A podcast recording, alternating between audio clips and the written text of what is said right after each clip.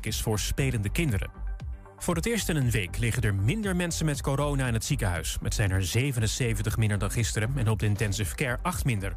Toch denkt Ernst Kuipers van de acute zorg dat de stijging hierna nog wel doorgaat tot boven de piek van vorige winter. Basisscholen krijgen vanaf volgende week zelf testen voor de kinderen in groep 6, 7 en 8. Ze kunnen de leerlingen dan twee keer per week testen op corona. Er zijn ruim een miljoen testen per week nodig voor de basisscholen. In het voortgezet onderwijs worden de leerlingen nu al regelmatig getest. En in de buurt van een treinstation in München is een oude vliegtuigbom ontploft. Er zijn zeker drie gewonden. De knal was kilometers verderop te horen en puin vloog honderden meters de lucht in. Volgens een Duitse minister werd de bom uit de Tweede Wereldoorlog geraakt tijdens graafwerk. Het weer bewolkt met een paar buien en veel wind. Op de Wadden even een noordwesterstorm. Het is 10 graden. Ook morgen buien, maar ook wat zon en met 5 graden een stuk frisser. En tot zover het ANP-nieuws.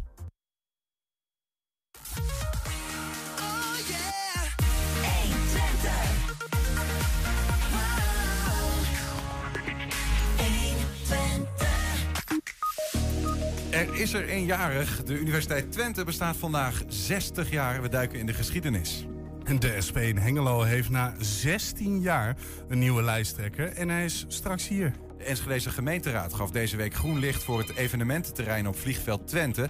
Maar als het aan verschillende belangenorganisaties ligt, gaat hier alsnog een streep door. Ze stappen naar de rechter. We praten erover met secretaris van de stichting Lonnekeberg. En door de nieuwe coronamaatregelen kan er bij amateurverenigingen s'avonds niet meer getraind worden.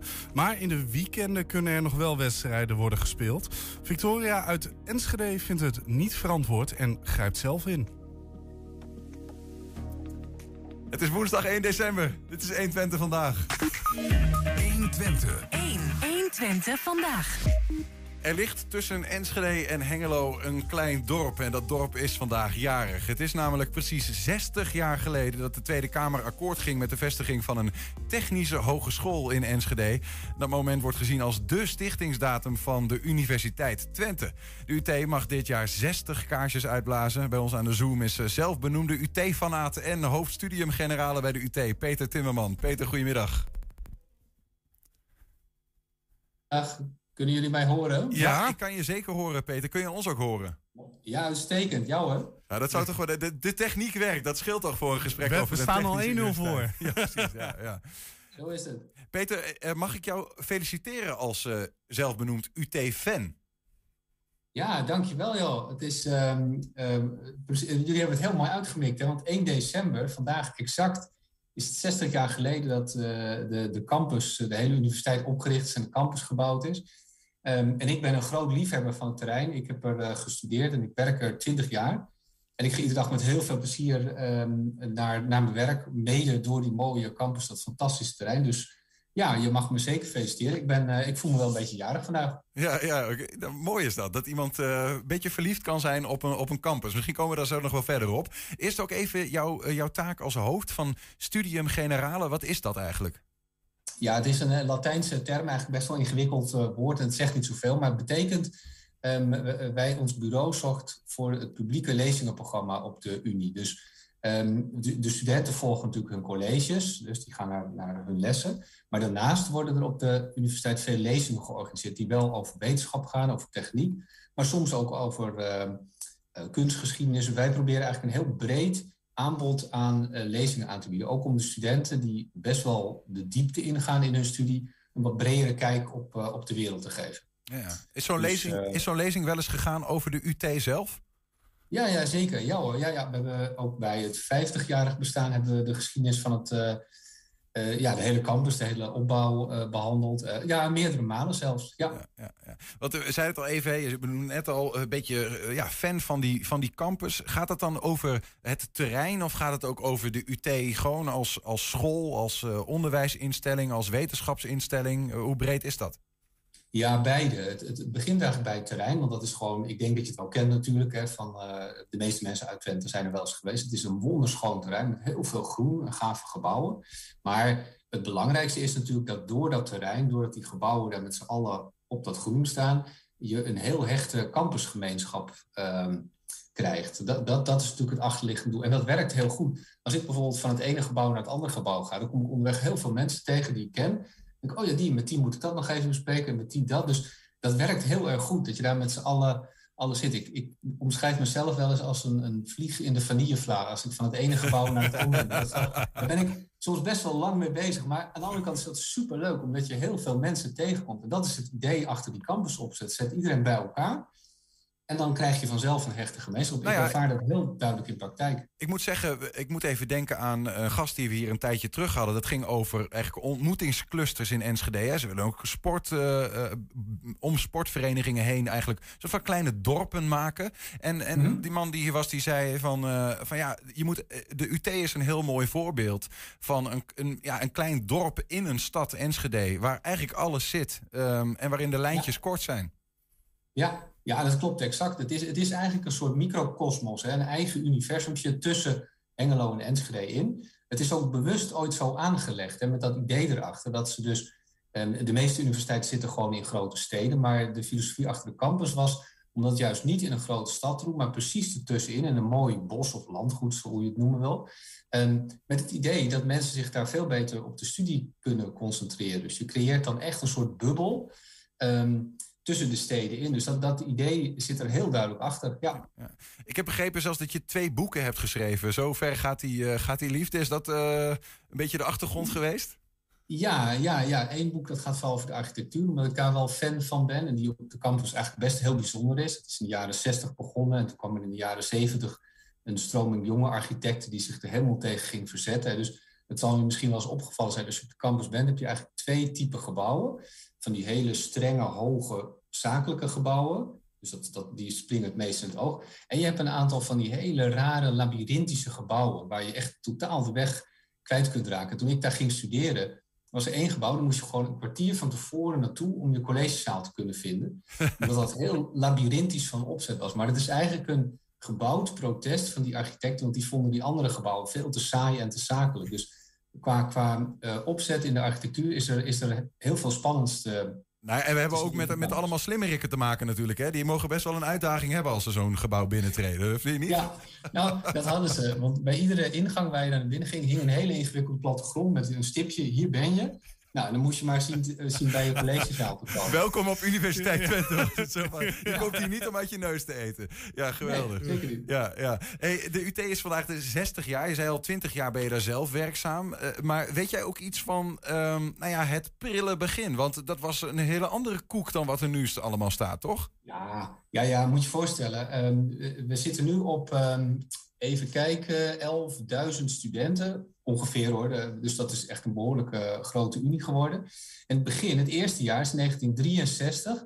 Kijk, dus in 1961, exact 60 jaar geleden, was de UT, of de THT toen nog, opgericht. Dus dat was op papier. Maar toen moest er heel hard gebouwd worden om al die grote gebouwen uh, uit de grond te stampen. En in 63 kon de eerste lichting beginnen. Dat waren 244 mannen en vier vrouwen. Dus die balans was toen helemaal um, zoek, zeg maar. En het was ook wel heel bijzonder. Je moest toen, als je op de THT, Technische Hogeschool Twente, later is dat Universiteit Twente geworden, als je daar wilde studeren, moest je op de campus wonen. Dat was verplicht. Dus je zat daar eigenlijk gewoon, nou, niet geïnterneerd, maar je, je was verplicht om op die campus te wonen. En um, jongens en meisjes, die waren strikt gescheiden van elkaar.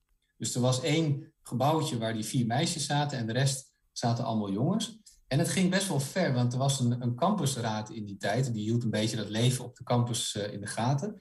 En die hadden in, uh, met kerst 63 was dat geloof ik, uh, 64, een brief, ja in 64, rondgestuurd van dat er geen seksueel verkeer op de campus mocht plaatsvinden. Dus het was, in die, het was echt een totaal andere tijd. Alles werd helemaal voor je geregeld. Je werd zelfs je beddengoed werd gebracht. Als je bed vies, wel iedere week kreeg je schoon beddengoed.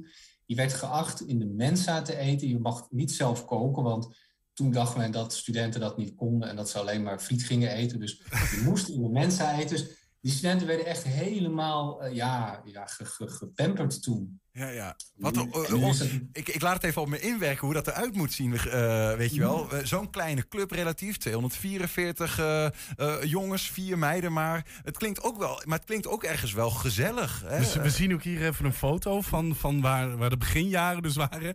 En gewoon in een bos. Meine Groeten. Maar er stonden dan ook maar heel weinig gebouwtjes, denk ik, of niet? Ja, ja, maar dit is een leuke foto. Leuk dat jullie die even hebben. Ik, ik had zelf geen tijd meer om nog wat foto's op te snorren. Uh, dit is het landgoed Drienelo. Hè? Dus Ehm, dit was voor de bouw van de, van de Technische Hogeschool. Dus dit was met, met alleen maar ehm, een paar, ik geloof drie boerderijen en verder weilanden. Is dit wel hetzelfde terrein? Zien we hier de Hengeloze straat, de Hengeloze straat zeg maar onderin lopen? Ja, klopt. Die schuine weg is de Hengeloze straat. Ja, en ze hebben dat, dat er loopt een vrij groot groen stuk bos voorlangs. Dat hebben ze omgehakt. Mhm. En daar is nu die entree, zeg maar. Dus daar heb je nu de Drienerloodlaan. Dat is die hele mooie groene loper. Waar vaak festiviteiten zijn en, en, en uh, uh, wat er vieren race, dat soort dingen. Ja, ja. Dus dat hebben ze, dat hebben ze op die plek neergelegd. Hey, vier, is... vier meiden, daar moet ik toch nog eventjes de aandacht op vestigen. Want ja, we hebben het er nu wel eens de mond vol van uh, dat er weinig meiden in de techniek zitten. Maar dat hebben ze dan nog weer aardig weten op te krikken inmiddels. Ja, het is nu ongeveer 50-50. Kijk, als je wat meer inzoomt en je gaat bijvoorbeeld naar de heel technische studies, zoals uh, elektrotechniek of computer science, dan heb je verhoudingsgewijs wat meer uh, mannen. Maar bij psychologie bijvoorbeeld of filosofie zitten weer meer vrouwen. Maar gemiddeld zitten we nu, ik zou zeggen, op iets van uh, 40, 60 procent. Dus 40 procent vrouwen, 60 procent mannen. Dus dat is heel mooi gelijk getrokken. In het begin was dat echt totaal uit balans. Ja, ja, en dat verbod op seks is er volgens mij ook wel af, uh, tenminste. dat geloof ik wel. Hey, en uh, hoe is het eigenlijk? Want ja, als we, we moeten een beetje een vlucht door de tijd uh, nemen. Nou, op een gegeven moment gaat het van, wat zei je nou, drie boerderijen geloof ik. Um, mm -hmm. ja, wordt het dat wat het nu is? kun je mee, ons meenemen naar een aantal mijlpalen in de tijd? Hoe is dat gegaan? -hmm. Ja, die drie boerderijen die staan er trouwens nog steeds. Als je een wandeling gaat maken over het terrein, dan zie je ze staan. De ene is voor onze plantsoensdienst. Daar staan dus de tractoren en dat soort apparaten in. De andere is personeelsvereniging. En er is eentje die is ooit verbouwd door Piet Blom. Dat is ook een bekende architect tot Mensa. Dus die boerderijen, die gelaagdheid zit in dat terrein. Dat is een heel mooi, uh, mooi, mooi om te zien. Okay. Uh, ondertussen is er heel veel bijgebouwd. We zitten nu op uh, 3.500 studenten die op de campus wonen. Dat is helemaal niet verplicht. Ehm, de eerstejaars willen dat vooral graag, omdat ze dan, ja, dan kom je echt een beetje in die unie. Um, als de studenten wat, wat meerdere jaar zijn, gaan ze vaak naar Enschede of Hengelo. Uh, in de regio wonen veel studenten, dus dat is op die manier verspreid. En ja, een paar mijlpalen, daar, daar noem ik wat. Want 60 jaar is natuurlijk toch wel ja, een hele ja, ja. grote. Misschien is het wel leuk om. Um, ik heb nu veel verteld over terrein, maar ook even wat benoemde uh, UT-alumni te noemen. Dus mensen die aan de UT gestudeerd hebben. Uh, Ank Bijleveld, um, be wel bekend hè, als minister van uh, Defensie. Diederik Jekel, dat is een hele bekende wetenschapsjournalist. Die vertelt vaak bij de Wereld Draait Door. Die heeft er gestudeerd. Marleen Veldhuis, de beroemde zwemster. Um, en en, en een, een hele bijzondere uitvinding die ik toch even wil noemen. Uh, dat is de Nauta-switch. Nou zal de meeste mensen dat niet zoveel zeggen. Nee. Maar het is toch belangrijk om even te noemen. Bram Nauta is hoogleraar elektrotechniek aan onze universiteit. En die doet onderzoek naar... Um, ja, ontvangers in mobiele telefoons, om het maar even zo te zeggen. En die heeft een switch bedacht, een, een schakeling, uh, die ervoor zorgt dat de telefoons veel beter ontvangst hebben. Dus je veel betere signaal-ruisverhouding krijgt. En die switch zit in praktisch ieder... Ik weet niet of je hem kan zien. Ja, we zien hem, je, je telefoon. in praktisch iedere telefoon zit die. Dus uh, dat geeft wel aan dat er op die mooie campus, hè, waar ik net over vertelde... waar die studenten dan rondlopen en de staf ook, uh, ook is... worden natuurlijk ook allerlei bijzondere uitvindingen gedaan waarmee wij ons stempel op de wereld drukken. Ja. En uh, die Nauta-switch is wel een hele bijzondere uitvinding. Nou, Booking.com kent iedereen, komt ook, is ook op de UT uitgedokterd. Hè? Sorry, welke? Wat zeg je? Booking.com, de ja. bekende website. Ja, en Takeaway, uh, Jitse Groen uh, komt er vandaan, ja. toch? Uh, de man van inmiddels een miljard, geloof ik, als het niet meer is. Ja, ja, ja, ja. En Demcon, wat dacht je daarvan? Dat is ook een hele belangrijke speler in Twente. De, de medische tak van, van sport. Dus het leuke is, als je kijkt naar het begin van de universiteit... had je eigenlijk alleen natuurkunde, chemie, elektrotechniek en iets van wiskunde, dus vier studies. Nu heb je er veel meer. Je hebt um, biomedische techniek, technische geneeskunde, dus daar, daar komt ook zeg maar die Demcon spin-off vandaan. Dus die, die UT is enorm gegroeid, zowel qua studentenaantallen als ook qua uh, vakgebieden en, en qua impact op de, op de wereld. Hè. Die spin-offs, dat zijn natuurlijk best wel invloedrijke bedrijven die nou, ook weer voor veel werkgelegenheid ja. zoeken, dus zorgen.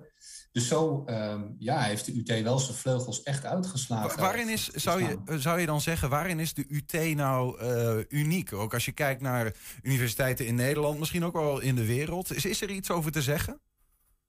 Uh, ja, een van, de, een van de, onze speerpunten bijvoorbeeld is het nanolab. Nanotechnologie. Dus dat is technologie op de pin me er niet op vast, want ik zit daar zelf niet zo goed in. Maar als je een haar neemt en je neemt daar weer een duizendste van, dan kom je op een hele kleine schaal. En dan kan je uh, chips maken, dat soort structuren. Mm UT is daar um, beroemd om. Wij hebben een nanolab. En daar zijn ze op de TU Delft, hebben ze dat ook, jaloers op. En dat komt omdat een nanolab, dan, je kan je wel voorstellen, als je een chip gaat maken met van die piepkleine structuurtjes, dan wil je niet dat je lab trilt. En in Delft, daar staan ze volgens mij op een beetje veengrond. En is er veel verkeer in de buurt. Dus dat lab daar, dat staat gewoon een heel klein beetje te trillen. En in Twente hebben we hele mooie stabiele zandgrond. Met, het is heel goed geheid gefundeerd. Mhm. Dus ons lab is trillingsarmer dan het in Delft. En daardoor kunnen wij heel goed nanostructuren maken. Dus dat, dat is een van de gebieden waar de UT echt... Uh, uh, ja, heel vooraanstaand in is. Nanostad uh, Enschede, zeg maar. ja, mooi. Hey, en ja, um, we hebben nu een aantal ja, mooie dingen uitgelicht van de UT. Maar ja, aan elke parel zit soms ook een zwarte randje. Mm -hmm. zijn, er, zijn er ook dieptepunten te kennen in die 60 jaar? Is er iets wat ons te binnen schiet?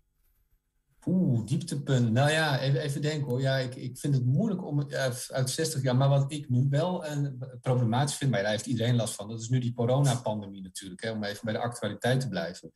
Um, je ziet dat heel veel studenten nu achter hun computers college volgen. Um, ik, ik vind dat wel echt. Als je ook kijkt naar de ontwikkeling van. Kijk, je gaat studeren, zeker op zo'n campus. Hè, want dat idee is van met z'n allen daar op dat terrein als je eens kijkt hoeveel sportfaciliteiten wij hebben, dat is echt, echt ongelooflijk. Je kunt, iedere sport kan je bij ons op de campus beoefenen.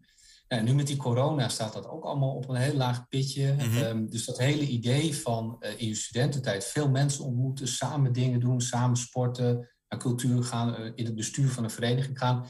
Ja, dat gaat nu allemaal online. Dus ik, ik vind dit wel een heel um, problematische tijd eigenlijk, wat dat betreft. Ja, ja, ja. ik kan me voorstellen. Dus die is dichterbij dan we zouden denken als we 60 jaar uh, terugkijken. Ja, ja, ja, ja, en wat er verder, nou ja, er, zal wel, er is wel eens een lab ontploft, geloof ik. Uh, wat even, even tussendoor, is wel even... Heb je en, wat ook een klein dramaatje was, nou ja, een groot drama, ehm, dat was de, de, brand in het wiskundegebouw.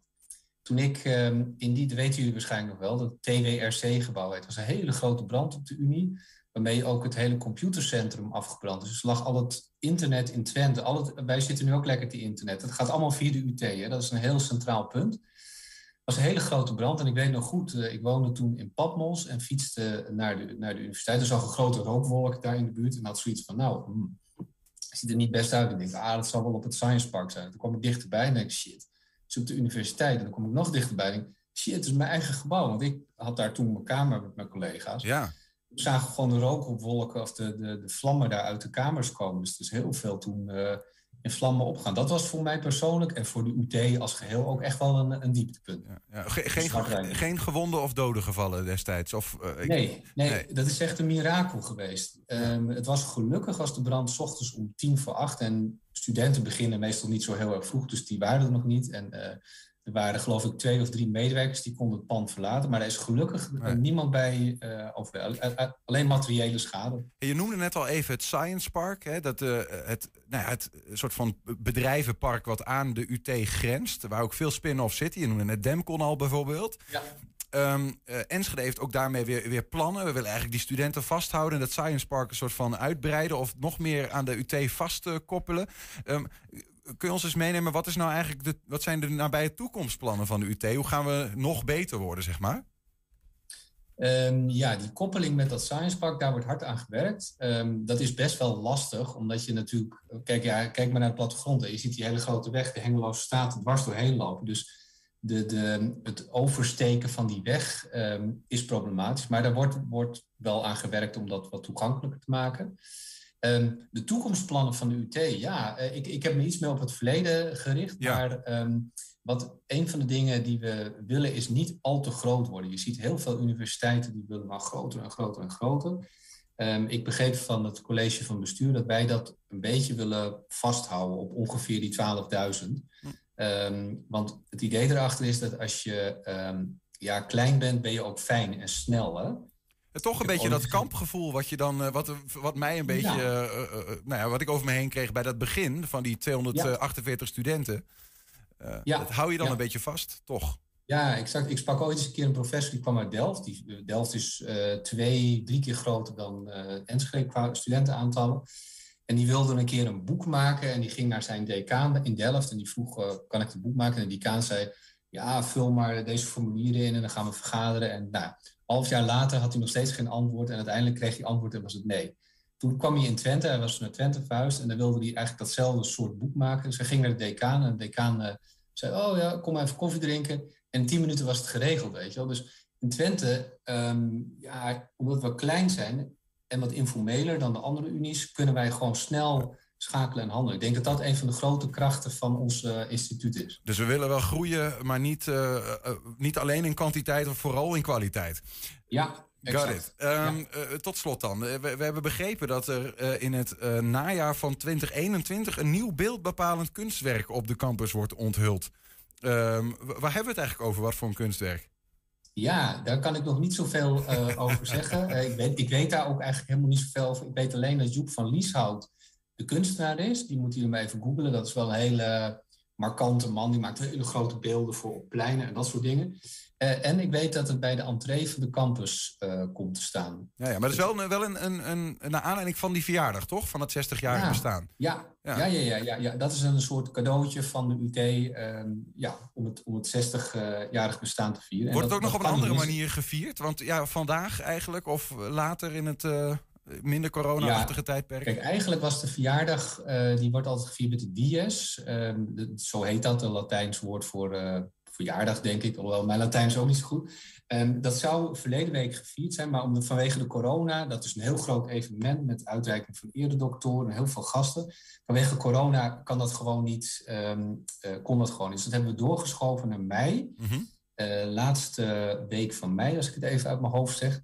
En dan gaan we het vieren. Dan wordt ook dat beeld onthuld, dat staat er dan. En dan komen de eredoktoren, die krijgen hun, hun eredoctoraat uitgereikt. En dan gaan we het echt groots uh, vieren. En wij gaan zelf vanuit het werk wat ik doe, Studium Generale... in aanloop naar die, naar die verjaardag hebben we Victor Mits, de neuromagician. Die kennen jullie allemaal wel. Absoluut. Die komt dan ook.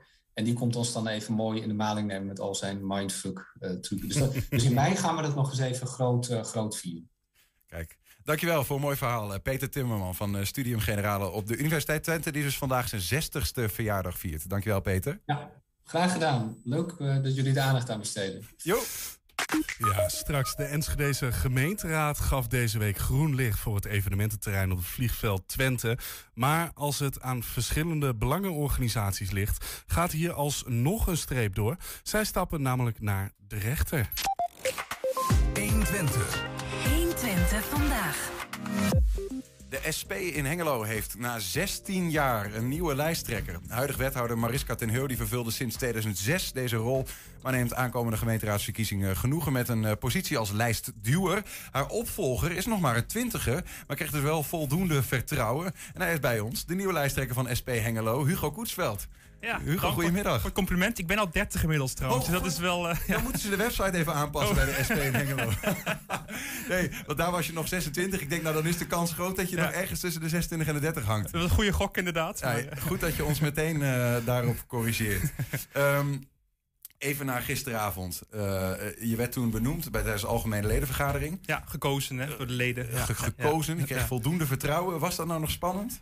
Uh, eerlijk gezegd uh, niet heel erg, uh, want hadden ze, er hadden zich geen tegenkandidaten gemeld of iets dergelijks. En dus dat was niet heel spannend, maar natuurlijk wel, een, ja, natuurlijk wel een spannend moment voor, voor mezelf natuurlijk om het mee te maken. Hè. En ja. dat ik nu echt officieel dan benoemd ben of gekozen als, als lijsttrekker. Ja, precies. En wat even jouw voorganger, hè, Mariska ten Heel, die dus in 2006 als eerste lijsttrekker werd en in de daarna volgende termijnen ook. Um, hoe oud was jij toen zij voor het eerst lijsttrekker werd? Oké, okay, toen was ik uh, 15. 15 denk ik, ja. 15. Dus een broekie, ja. ja, ja. Toen net, no, net nog geen SP-lid ook volgens mij. Uh, ja. Is dat een, zeg maar, een ding, want ik denk dan van ja, je bent 30, het nu, nu al lijsttrekker of zo. Is dat een, uh, een ding of heb je gewoon echt wel, voel je echt voldoende vertrouwen vanuit de partij van ja, joh, ik ben 30, maar ik heb de ervaring en let's go. Ja, zeker. Ik heb natuurlijk al acht jaar achter de rug gehad inmiddels aantal grote dossiers ook gedaan. Uh, ik weet inmiddels wel hoe de, hoe de hazen lopen ook in de raad, daarbuiten ook. Ik ben bekend in Hengelo inmiddels ook wel in de zin van dat ik wel weet uh, uh, welke clubs zitten, welke verenigingen, wie er zoal ja, een rol speelt natuurlijk binnen, binnen de gemeente. Dus wat dat betreft ja, heb ik me afgelopen acht jaar prima kunnen voorbereiden op deze functie ook. Ja.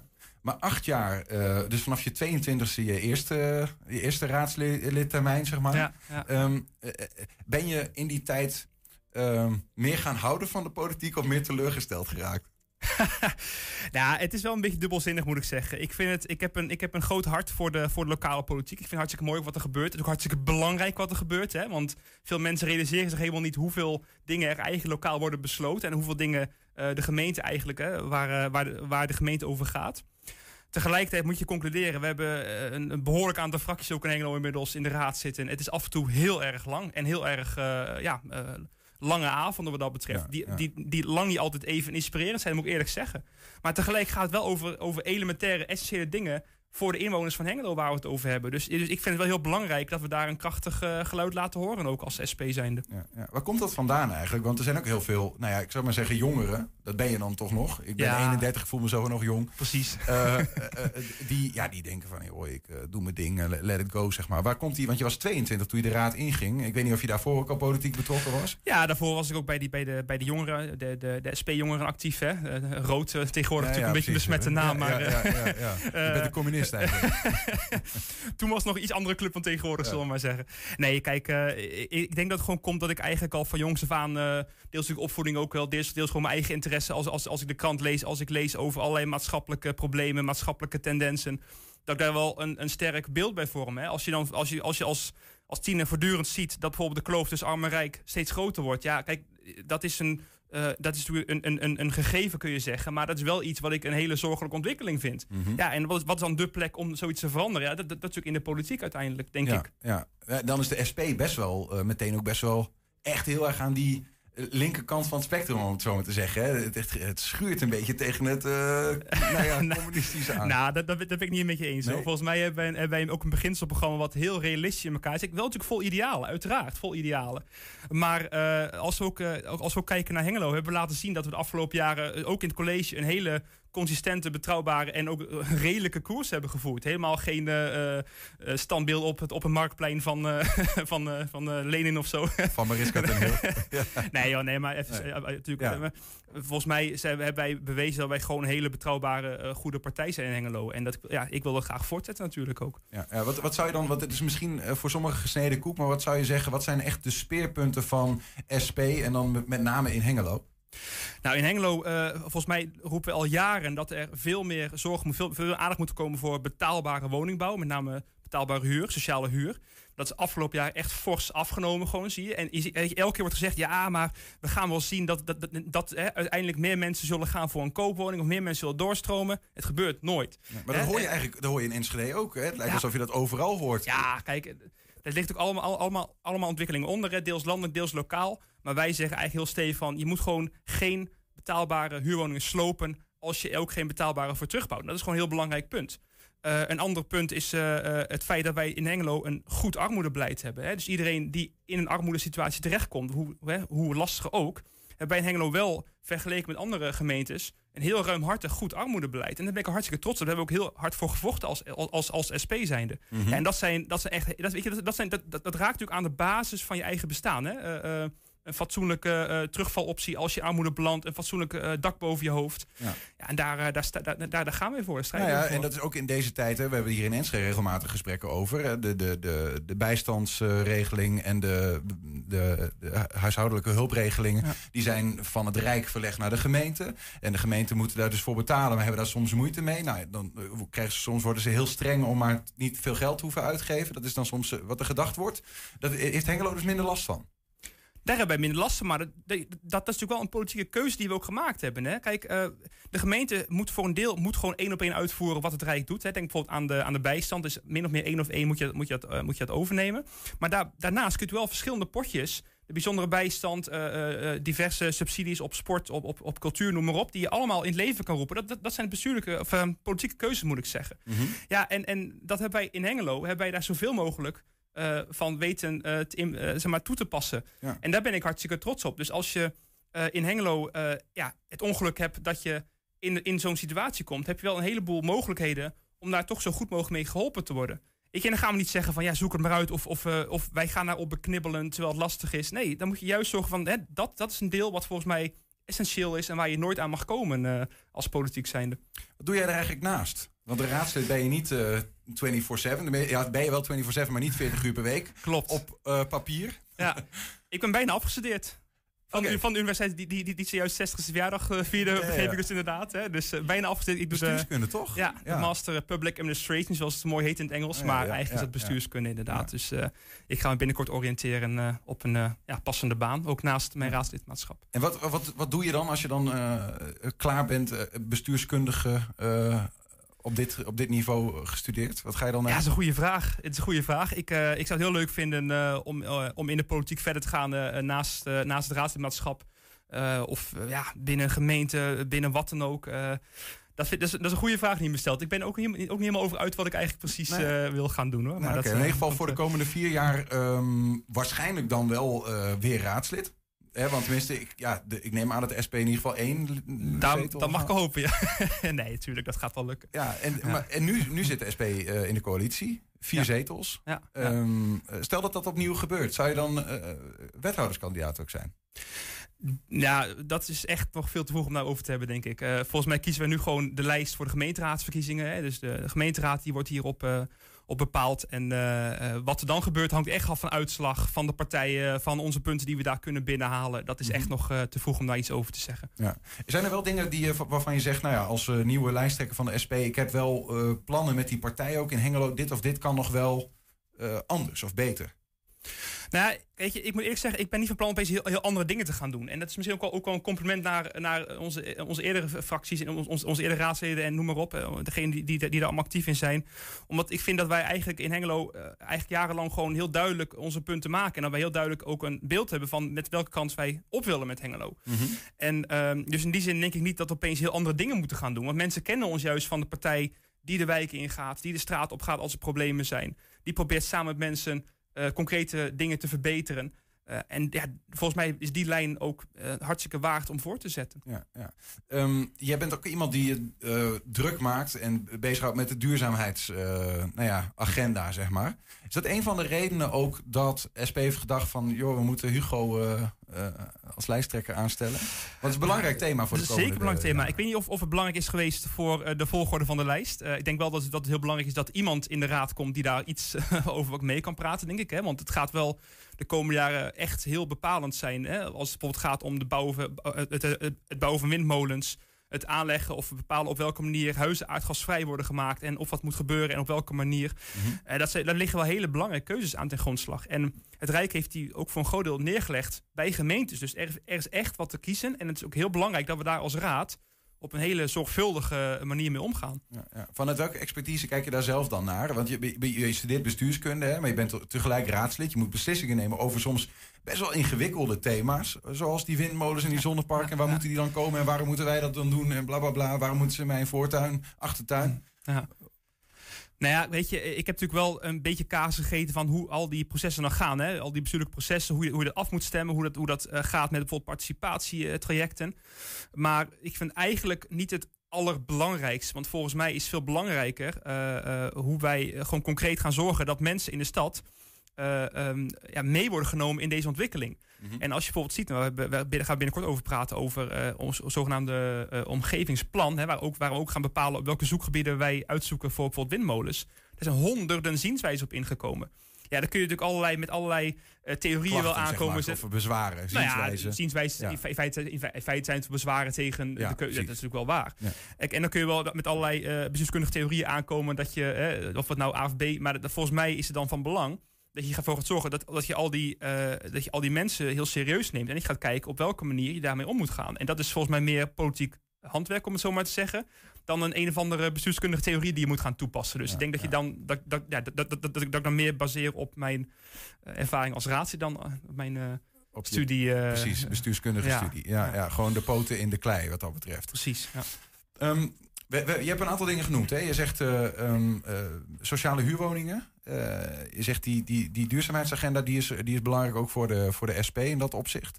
Ehm, wat, wat zijn nog meer... eh ik geloof arm rijk is natuurlijk iets wat we, wat we kennen. Zijn er nog meer Dingen Nou ja. waarvan je zegt, uitdagingen die ook Hengelo specifiek heeft voor de komende jaren, waar je eh, met SP ook op wil gaan richten.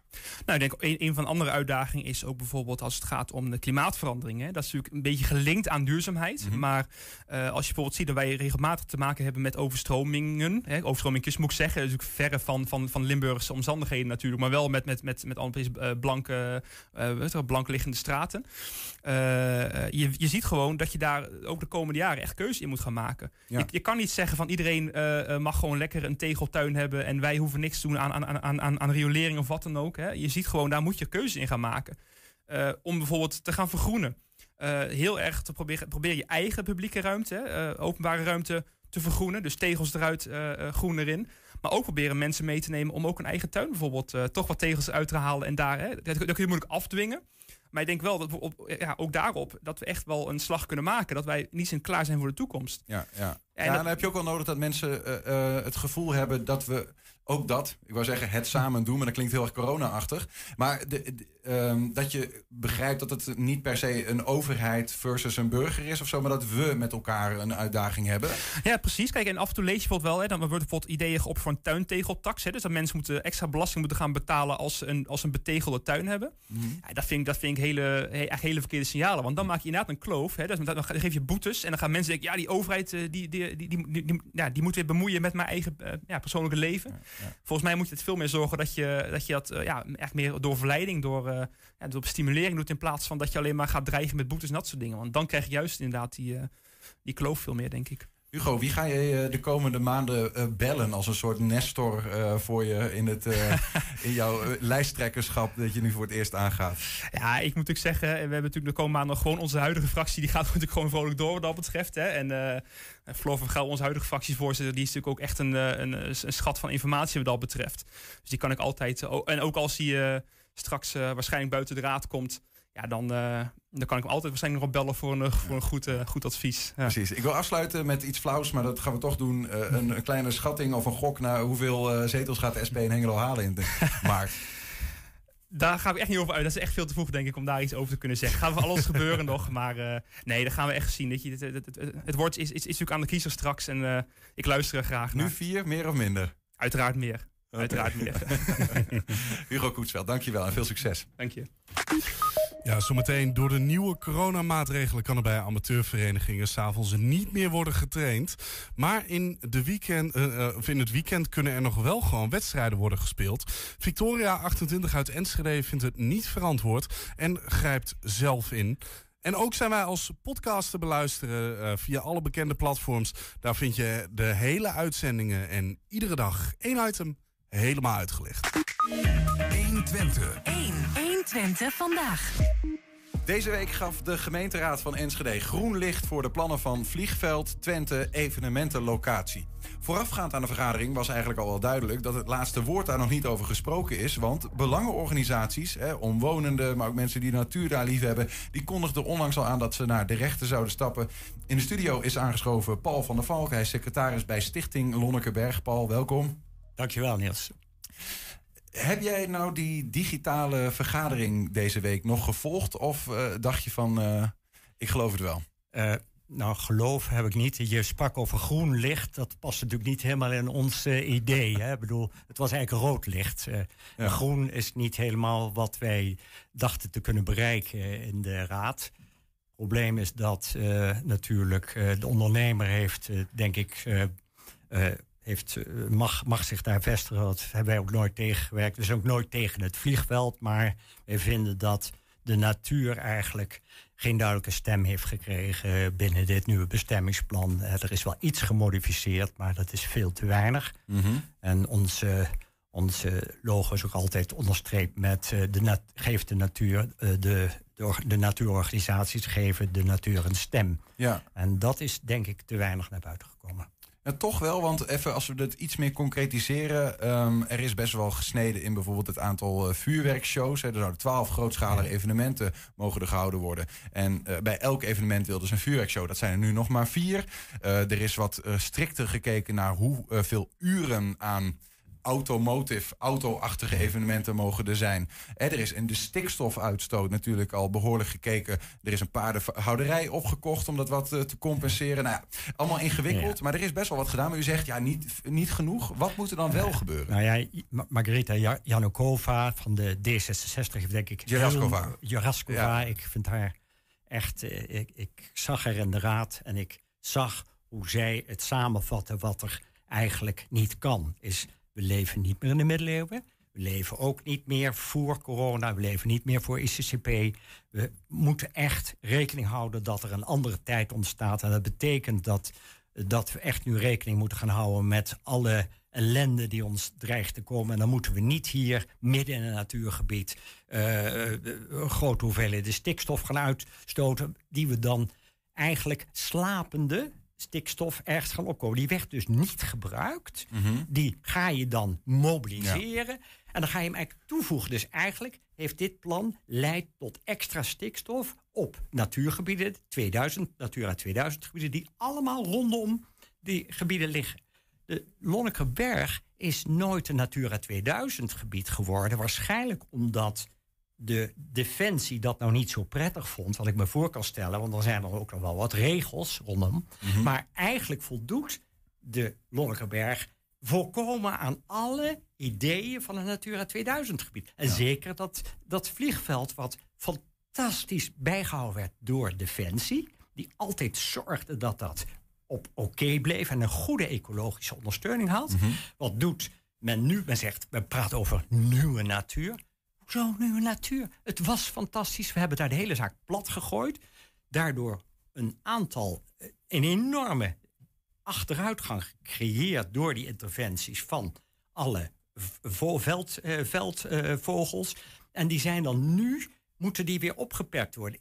We weten dat dat ook enorme impact heeft straks in de voortbestaan van de veldleeuwerik en al dit soort zaken. Die lopen achteruit nog steeds. En dan ga je dan nu nieuwe prikkels aan toevoegen. Als ik u zo hoor, dan denk ik, we moeten gewoon terug naar uh, vliegveld Twente als uh, burgerluchtvaart. Uh, nou, als je heel eerlijk bent, was dat natuurlijk vervelend dat ze s ochtends even wegvlogen. Dat ze smiddags een boterham kwamen eten en s'avonds weer wegvlogen. Maar dat waren korte, incidentele, ver in het terrein gelegen, ver van de Londerberg gelegen eh, interventies. Maar goed, dat is natuurlijk ook... dat is ook geen realiteit. Ja, als we het hebben over groen, groen licht en groene, groene maatschappij, dan is vlieg, vliegtuig niet meteen waar ik aan denk. Nee, maar je kan nu hebben ze eigenlijk een alternatief gevonden. Want ze hebben nu dus in de Lonnekerberg zo ongeveer, hebben ze een podium gepland. En dat podium, dat ligt dan zo ver weg dat het allemaal kan, hè, volgens de natuurhinderwet, de geluidshinderwet, is dat je 140 decibel mag genereren daar voor een festival. Mhm. Je moet je voorstellen, 140 decibel is de staande in de motor van een Joint Strike Fighter. En in Leeuwarden zijn een aantal mensen die in de buurt van dat vliegveld worden, waar die Joint Strike Fighters opstijgen, die kunnen daar gewoon helemaal niet meer functioneren een aantal minuten totdat het ding omhoog gaat. Mhm. Dit gaat gewoon in principe in zomerseizoen gaan ze hier dit genereren, dit getal. Dat is compleet idioot, want dat staat op 200 meter afstand Ja. van een nieuw natuurgebied waar allerlei mensen lopen. En sinds corona heeft iedereen de Lonnekerberg ontdekt. Daar kan je dus niet meer wandelen in de weekenden. En die investering die gedaan is, kan je gewoon weggooien. Ja, ja. Ja, willen we dat? Ik- Is ook niet nodig. Hè? Nee, maar ook, eh, tegelijkertijd is dat ook iets wat eh, voelt als een eh, subjectieve klacht. Hè? Van, ik ik Ja. vind dat te hard. Die, hoe, die hoe je- vleermuisjes-fluisteraars zijn wij. nou ja, en hoe, maar hoe juridisch hard is dit ook? Hè? Want, want jullie, overigens, misschien niet als enige, dat weet ik eigenlijk niet. Welke, Nee, welke we, zijn, we zijn een combinatie van. We hebben dus nu geprotesteerd namens Overijssels Landschap, Lonne- Stichting Lonnekerberg, Stichting Lonnekerland en de Natuur- en, en eh, Milieuorganisatie Enschede en ook de Dassen Club. Dat Ja. zijn eigenlijk de groepen die. En wij proberen samen af te stemmen om te kijken hoe kunnen we niet om, om de ondernemer die wij vinden dat dat eigenlijk wel iemand is die. Ik, ik, ik heb respect voor meneer Van Eck, zijn manier waarop hij die niche gevonden heeft. Mhm. Alleen vind ik dat je als, als, eh, als, eh, als eh, bestuur van zo'n stad moet zeggen: joh, prachtig dat jij daar wat brengt. Hanna van Hendricks, allerlei dingen.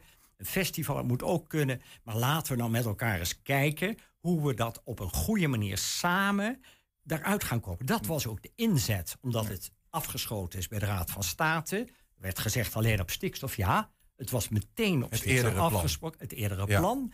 En dat is afgesloten op stikstof, maar alle andere dingen zijn niet beoordeeld. Dus de hele effecten op vleermuizen, op vogels, op broedvogels, al dingen zijn niet beoordeeld. Dat had de wethouder een beetje vergeten dat dat zo was. Eh, we probeerden samen in een participatieproces te komen om dat samen eruit te komen Is niet gelukt. we hebben, we hebben op een gegeven moment gezegd: we gaan, dit zijn een beetje de procedures. Hoe ga je dat nou met elkaar aanpakken? We hebben gezegd: dan gaan we over de inhoud praten. Maar die inhoud is, ja, een voorbeeld. A plus B is C. C is een uitkomst. Dat is iets wat je berekend hebt. Maar wat je graag wil weten is wat is nou erin gestopt in die som? Wat is A en wat is B? En als je A plus B een, kan bespreken, dan kan je ook discussiëren van... goh, als je nou A een beetje minder maakt of anders maakt... dan wordt C anders en dan heeft iedereen is tevreden. Ja. Nou, op die manier hebben we dus geprobeerd dat in te zetten. Daar zouden technici bij komen. En wij zouden onze deskundigheid meenemen. En dan zouden we samen proberen eruit te komen. Ja. Dat is door de wethouder gestopt en geblokkeerd. En ja, dat ontkent men. Ik, eh, Oké, daar ga ik niet meer over discussiëren. Dat is er gebeurd. Maar het, wij zijn dus nu gebruikt voor het vinkje. Want daar werd in de stukken gezegd... Er is aan participatie gedaan. Precies. En volgens de nieuwe omgevingswet, dat is dus de wet die, eh, die straks ingaat voor al die losse regelingen van de boswet en de natuurwet en weet ik wat Mhm, samengevoegd worden. Daar hebben ze gezegd, daar moet je participeren met burgers. Nou, dat is lekker lelijk niet goed gebeurd. er is wel gepraat, eh, maar Ja, uiteindelijk is er ja, met heel En- veel dingen niks, eh, niks Nee, gedaan. En dat heeft Jeroen Goud, want dan denk je, ach, dat zijn die natuurjongens weer die lopen te zeuren. Nee, Jeroen Goud, we hadden een onafhankelijke eh, eh, best- voorzitter... die van het CDA was, die oud-wethouder in Enschede was, gerespecteerd. Die heeft ook gezegd, dit is echt niet goed gelopen. terwijl, het CDA nu, terwijl het CDA nu wel voor het Ja, bestemmingsplan maar heeft daar heb ik het even niet over. Want de persoonlijke partijen, daar kunnen we best nog een ander moment over praten. Dat is ont, ontluisterend hoe, hoe daar eh, gereageerd wordt. Maar goed, even eh, misschien proberen om heel concreet te worden in... Stel dat Stichting Lonnekeberg eh, de touwtjes in handen zou hebben. Ja. Jullie gunnen Jan van Eck ook als, als Ja. eigenaar en ondernemer zijn, eh, zijn, zijn, zijn, zijn, poen. Maar Ja. jullie willen ook goed voor het groen, hè? zo noemen Ja. we dat. dan. Ja, ja. De, ehm, E- een wat- evenwicht tussen ecologie en economie. wat, wat, wat gebeurt daar? Wat gaat er dan wel gebeuren? Hebben jullie daar eh, Ja. ook plannen voor? Je zou, je zou natuurlijk, het terrein is uitermate geschikt voor, eh, voor, eh, voor een aantal festivals. En dat kan je ook met een duidelijk mindere geluid doen. Je kan ook zeggen dat je meer festivals die meer binnen kunnen. Je zou kunnen zorgen dat je, dat je ook natuureducatie daar kan doen. Je kan daar in een delen van het terrein tiny houses zetten... met daarbij eh, mogelijkheid voor de gemeente ook, of, of voor Van Eck... om daar geld aan te verdienen. het nog steeds allemaal exploitabel voor hen? Ja, allemaal exploitabel. En daarmee zou je, zou je kunnen zorgen dat het terrein voor hem rendabel en exploitabel is. Want Ja. dat vind ik ook een goed Rendabel, zocht ik. ja. Ja, maar daarbij moet, het, eh, moet je wel eh, de natuur ook in, in, in, in nemen. We hebben, we hebben runs georganiseerd. We hebben, eh, we hebben allerlei zaken bij elkaar gebracht. En dat had heel goed in harmonie gekund. Daar waren we uitgekomen. Mhm. Ja. Met respect voor Van Eck. Want ik ga hem niet afvallen. Dat, dat wil ik niet. Nee, dat is duidelijk. Maar toch eh, besluiten jullie nu wel... het bestemmingsplan wat er eh, nu ligt... is niet goed voor de natuur en eh, nou, ja, maakt te veel lawaai En voor de omgeving. voor de omgeving. alles, ja. Dus de gang naar de Raad van State, naar de rechter. Ehm, hoe zeker zijn jullie eigenlijk van, van je zaak? Want ja, eh, de- Waanzinnig zeker. Jan van Eck en zijn club zijn ook zeker... dat er een goed plan ligt, een goed gewogen plan. wens ze veel succes. We hebben echt zo, dat gaan we allemaal nog een keer verder uitwerken. En dat zullen we bij de Raad van State duidelijk maken. Maar onze deskundigen, en dat zijn niet de eerste de beste. eh, die, eh, ik ben geen deskundige op een aantal gebieden, maar wij denken dat wij eh, echt dit bestemmingsplan weer afschieten op. eh, en dat is niet Op- op weer- stikstof. op- ja, op, op veel meer. We hebben veel meer haakjes dan. We hebben die andere zaken zijn nooit besproken in de Raad van State. Maar wij weten intussen van Groene Ster, Duurzaam in Leeuwarden. Die hebben ook allerlei festivals kunnen stoppen door Ja. andere aspecten dan alleen stikstof. We gaan natuurlijk voor die stikstof. Daar hebben we eh, denk ik voldoende haakjes voor, maar ook voor andere zaken. En uiteindelijk gaat het niet om ons. Wij winnen ook niet, de natuur wint. Stel dat de natuur wint Ja? en jullie. Ja. Wat gebeurt er dan eigenlijk? Want dan wordt het bestem- bestemmingsplan van tafel eh, geveegd. Ja, dat hadden we de vorige keer ook. Hè? Gaan we opnieuw die molen in? Ja, dat, dat hoop ik. De history rhymes. Hè? Dat je de l'histoire repet, dan gaan we weer hetzelfde molentje in.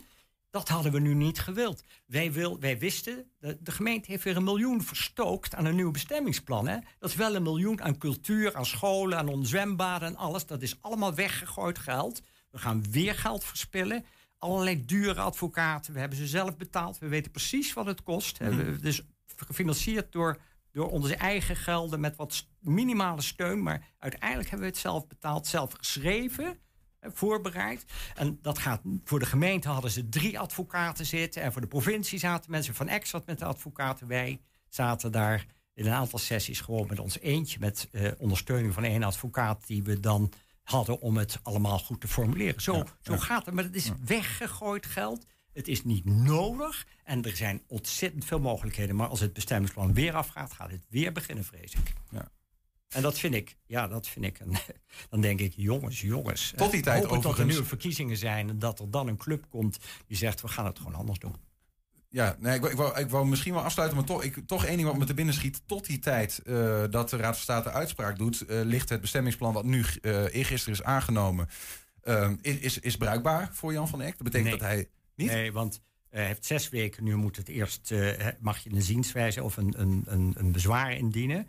En wij gaan binnen die zes weken al een voorlopige voorziening aanvragen. En dat betekent dat er al ernstige schade eh, aan de omgeving aangericht wordt. En dat kunnen we ook aantonen. Dus, eh, Ja. eh, en als dat onherstelbaar is, dan eh, eh, mag een voorlicht, voorlopige voorziening al beginnen. Dus hij kan er nog niet mee uit de En voeten. kan dan niet meer uit de voeten. En we gaan het we gaan mee. Wanneer gaat er eigenlijk. ik- wat is de agenda? Wanneer, wanneer kunnen we een uitspraak gaan verwachten? Ik weet eigenlijk niet wanneer een dan de begint. Raad van State is een, is een organisatie die een eigen agenda heeft. En die laat zich niet sturen door natuurorganisaties. En door eh, meneer Van Eck. Nog Dus niet dat, echt een idee wanneer we daar meer Nee, over maar dan komen we graag vertellen hoe we dan erin staan. En dan een keer details vertellen over waar we dan eh, op, op gaan oogsten. Dank u wel, voor nu in ieder geval. Eh, Paul Ja. van der Valk, secretaris van Stichting Lonnekeberg. Dank u wel. Dankjewel. Ja, dan heb je een tip voor de, eh, de redactie. Mail dat dan naar info.120.nl. 120. 120 vandaag. Ja, toen de nieuwe maatregelen aangekondigd werden, was er voor veel voetballers een grote verbazing. Niet meer kunnen trainen na vijf uur, maar wel wedstrijden door laten gaan. Dat is wat de overheid besloten heeft. Maar nu nemen clubs het heft in eigen handen. Zo ook voetbal Victoria, voetbalvereniging Victoria in eh, Enschede. Ze besloten gisteravond als eerste in Enschede om alle wedstrijden van zowel de A-categorie als de B-categorie uit de planning te halen. Aan de telefoon is voorzitter van die club Gerard Tenniglo. Gerard, goedemiddag. Goedemiddag. Dat, zijn, eh, eh, dat is een behoorlijke maatregel dat je alle teams van Victoria uit de competities haalt. Zo lijkt het. Ja, nou ja, dat is, dat is natuurlijk ook zo. Ehm, eh, en we halen ze niet uit de competitie, maar we hebben keurig in overleg met de KNVB gezegd van nou, wij gaan niet voetballen. Eh, want die opening was er, eh, was er in feite ook geboden doordat ze met heel veel coulance in ieder geval met de wedstrijden om zouden gaan. Ehm, kijk, wij, wij doen het niet voor onszelf en, en ook niet zomaar, maar we doen het echt in het belang van onze sporters. En dat vind ik wat anders dan het was gaan liggen of eh, in ieder geval zeggen van eh, we willen iets niet. Ja, waar, waar, bent u, waar, ja, waar, waar bent u dan bang voor? Voor eh, blessures? Ja, dat is misschien een open deur, maar toch gesteld hebben? Ja, ja nee, het, het is echt de blessures. Kijk, een, een stelregel in de voetbal is, en dat weet el- elke voetballer, als je door de week niet traint, dan zit je bij de wedstrijd op de bank. Dan sta je niet in de basis zelf. En dat, dat doe je natuurlijk niet voor niks. Dat doe je omdat je je ritme mist. Je mist je, je, je eh, gezondheid. En, eh, en je loopt kans op, eh, op schade, op blessureschade. Ja. Dit is overigens nu alleen voor komend weekend. Ja. Waar hangt het vanaf of jullie zeggen, nou, we gaan dit de komende tijd doen? Nou, het hangt ervan af hoe uiteindelijk het, de, de, de protesten van met name ook de NOC en NSF gaan uitvallen bij het debat in de, in de Tweede Kamer momenteel. Wat Zij willen ze trainingen tot, tot acht uur, geloof ik, willen ze Ja. hebben. Hè? Ja, ja, en als je dat zou kunnen doen, dan kun je in ieder geval voor de jongste jeugd weer, eh, weer wat doen. Voor de senioren is het dan nog wel, eh, wel lastig, hè, want dat is nog kortom. Ja. Maar wij hebben het natuurlijk ook bij de vorige coronagolven steeds niet gehad. We konden steeds met de jeugd door. Hebben dat ook gedaan. We zijn de hele winterstop door, de hele zomerstop door. Continu blijven trainen en allemaal onderling partijtjes. En dan Hè? Dus in ieder geval de jeugd bezighouden. Maar nu, dit is nu echt onmogelijk gemaakt. Dus vandaar dat wij ook, uh, nou ja, op deze manier echt daartegen protesteren. En het heeft in eigen handen genomen hebben. Kan het, kan het eigenlijk zomaar? Want uh, ja, je hebt uh, die teams die zitten gewoon, zijn onderdeel van een competitie. Ik kan me voorstellen ja. dat de KNVB er ook niet heel blij mee is als clubs in één keer zeggen we doen niet meer mee. Nee, zullen ook niet blij zijn, maar uh, laat ik even de zaak uh, wat omdraaien. Wij zijn ook niet helemaal blij met zoals de KNVB deze strijd aangegaan is. Want er is natuurlijk helemaal, dit is natuurlijk een waanzinnige regel. Wie bedenkt het? Zo moet je het eigenlijk zeggen. Ja, dat is duidelijk inderdaad, ja. Gaat, gaat het de teams dan ook die baaldag kosten? je, hebt, je hebt zeg maar één baaldag per jaar die je mag zetten. gaat, dit ook, gaat dit er ook één kosten? Nee, nee, nee, nee, nee. We hebben het echt echt in, in goed. We hebben gewoon echt een keurige brief geschreven naar de KNVB, naar het wedstrijdsecretariaat ook van de KNVB. En ook uitgelegd wat onze, uh, wat onze redenen zijn. En die redenen die zijn, hè, zoals ik net al zeg, hebben echt te maken met de gezondheid van onze spelers. En wij willen geen blessures uh, in, uh, in deze tijd gaan, uh, gaan oplopen. Waarom laat je, En Gerard, die, die spelers eigenlijk dat niet zelf bepalen? Tenminste, ik kan me, af, kan me voorstellen dat er bepaalde leeftijden zijn die zeggen van... ja, ik kan toch zelf bepalen of ik kan, de wedstrijd kan spelen zonder getraind te hebben? Ja, dat, dat, dat, zo zou je het wel kunnen stellen. Maar ehm, het gekke wat de KNVB gedaan heeft is de A-categorie. Je zei het net zelf al, de A-categorie die halen we sowieso. Daar zetten we sowieso de competitie van stop. He, daar doen we nog één of twee inhalen en dan ligt die stop. Dat was het plan van de, van, uh, van de regering, of van de KNVB. Ja, wat, wat is dat, de A-categorie en de B-categorie? A-categorie, dat, zijn de, de, dat zijn je echte selectieelftallen. Dus de, de, de JO 14, uh, of de JO 15-1, de JO 17-1, de JO 19-1. Ja. Dat zijn de, je, je selectieelftallen. Die gaan uit de competitie, die stoppen met de competitie. En de JO 13-2 en de JO 13 nou ja, vul maar in, mm -hmm. hè, tot, uh, tot tien aan toe. Die zouden dus wel mogen spelen, ongetraind door de week uh, in het weekend. Nou, daarvan hebben we gezegd, A, is dat een, binnen een vereniging al een hele rare uh, gang van zaken. En B, we vinden het ook gewoon niet goed. En wij moeten ook um, uh, ja, wij moeten opkomen voor onze leden. En wat is, wat is de, de redenering daarachter dan? Ik snap dat eigenlijk niet. Want iemand die ik in een selectie-elftal voetbalt... heeft toch net zoveel kans op blessures... dan iemand die niet in een selectie-elftal voetbalt? Nou, misschien nog wel meer. Want die ja. trainen veel vaker. Die zijn dus uiteindelijk veel beter getraind. Okay. Maar ja, ik, wij, wij, snappen het niet. Dus vandaar dat we zeggen... nou, we gaan deze lijn uh, zetten. Mm -hmm. um, KNVB, NOC, NSF... maar ook de Tweede Kamer. Kom maar eens eerst met een nou, noem het dan maar tussen haakjes, een goed doordacht plan. Kom maar eens met een goed verhaal. En daar willen we absoluut natuurlijk aan meewerken. Ja. Stel dat er een team is wat zegt, ik wil, we willen wel voetballen. Gewoon als, als team. We, we willen, nou ja, mag dat dan? Of is dat, zegt u nou, van nee? Nee, in de competitie uh, uh, niet. Maar wij gaan natuurlijk niet, uh, niet stilzitten. De hele zaterdag vanaf kwart voor negen tot vijf uur gaan we alle jeugdteams gewoon op het complex opvangen. Dan zijn er trainingsmomenten. En die sluiten dan ook af met een, uh, met een spelmoment. Dus we gaan dat, uh, we gaan dat zeker wel, uh, wel doen. maar we maken er niet een competitiestrijd van. Want dan gaat het vaak net een tandje harder. En ja. dat willen we niet. Ja. Ja, nou, het is natuurlijk allemaal nog maar in principe voor één, uh, voor één weekend. Maar goed, ik vraag me, voor één weekend, ik vraag me ja. ook af, kijk, die voetballers die, die zitten natuurlijk bij Victoria omdat ze uh, van voetbal houden, van een wedstrijd ja. houden. Daar betalen ze ja. ook bijvoorbeeld de contributie voor. Z zijn er ook mensen binnen Victoria die zeggen van ja, het is wel goed met die tenniglo, maar ik wil gewoon voetballen?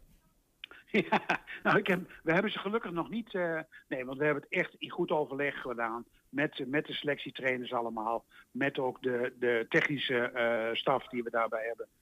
Um, ja, proberen het echt zo goed mogelijk te doen en ook uit te leggen. Ja. Nou ja, uh, in ieder geval komend weekend zijn er ook andere clubs die uh, uw voorbeeld volgen. We, weten we dat uit voetballend Enschede? Nee, dan, uit, uit voetballend Enschede niet. Ik vond wel een hele goeie en dat vond ik echt een, een hele mooie. Een, een voetbalclub in het land die zegt van, uh, dat was dacht ik in Den Haag of in Rotterdam, die gewoon zegt van wij melden, uh, wij gaan voetballen zaterdag. En we melden dat aan, collectief aan, als een demonstratie. En nou mag het. Oké, oké, oké. Ja, ja. We... Ja, en nou, bedoel, als je al zo met dat soort rare, hè, uh, uh, rare redenen gewoon... Kijk, het is, het is inderdaad een, een, een vorm van... We vragen aandacht om dit uh, serieus te benaderen. Want kinderen in de openlucht en kinderen en bewegen... dat is wat bij ons echt voorop staat. En dat willen we ook gewoon. Alleen het wordt nu op deze manier onmogelijk gemaakt. Ja. Eh, Die demonstratie zou dan dus na vijf uur zijn. Begrijp ik dat goed of ja, niet? na vijf uur. Ja, Ja. ja, ja, Kun je dus de avond doortrainen. ja. Interessant.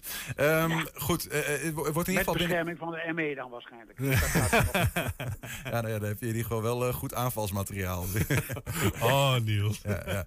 Ehm, Gerard, dankjewel voor nu. En eh, nou, we gaan meemaken wat er uit het, eh, nou ja, het verhaal van de NOC-NSF komt... die, eh, die Ja, nog ja. op de bres gaan. En dan houden we je absoluut weer op de hoogte wat we, wat we gaan doen. Ja, dankjewel Gerard Tenneglo, voorzitter van Victoria in Enschede was dat. Graag gedaan. Ja, en tot zover dus ook 120 vandaag. Terugkijken, dat kan direct via 120.nl en om 8 uur en 10 uur, 12 uur op televisie te zien op herhaling. Eh, voor nu kun je gaan genieten van deel 2 van de kettingreactie. Veel plezier en tot morgen. Morgen, morgen. 120 Weet wat er speelt. in Twente. Met nu het nieuws van 3 uur. Goedemiddag, ik ben Michiel Frazenstorm. Tata Steel gaat de uitstoot van giftige stoffen sneller en verder omlaag brengen. Het staalbedrijf in Muiden heeft er met de overheid afspraken over gemaakt. Tata Steel is een van de meest vervuilende fabrieken van ons land. Uit onderzoek blijkt dat het gif van Tata vooral gevaarlijk is voor spelers.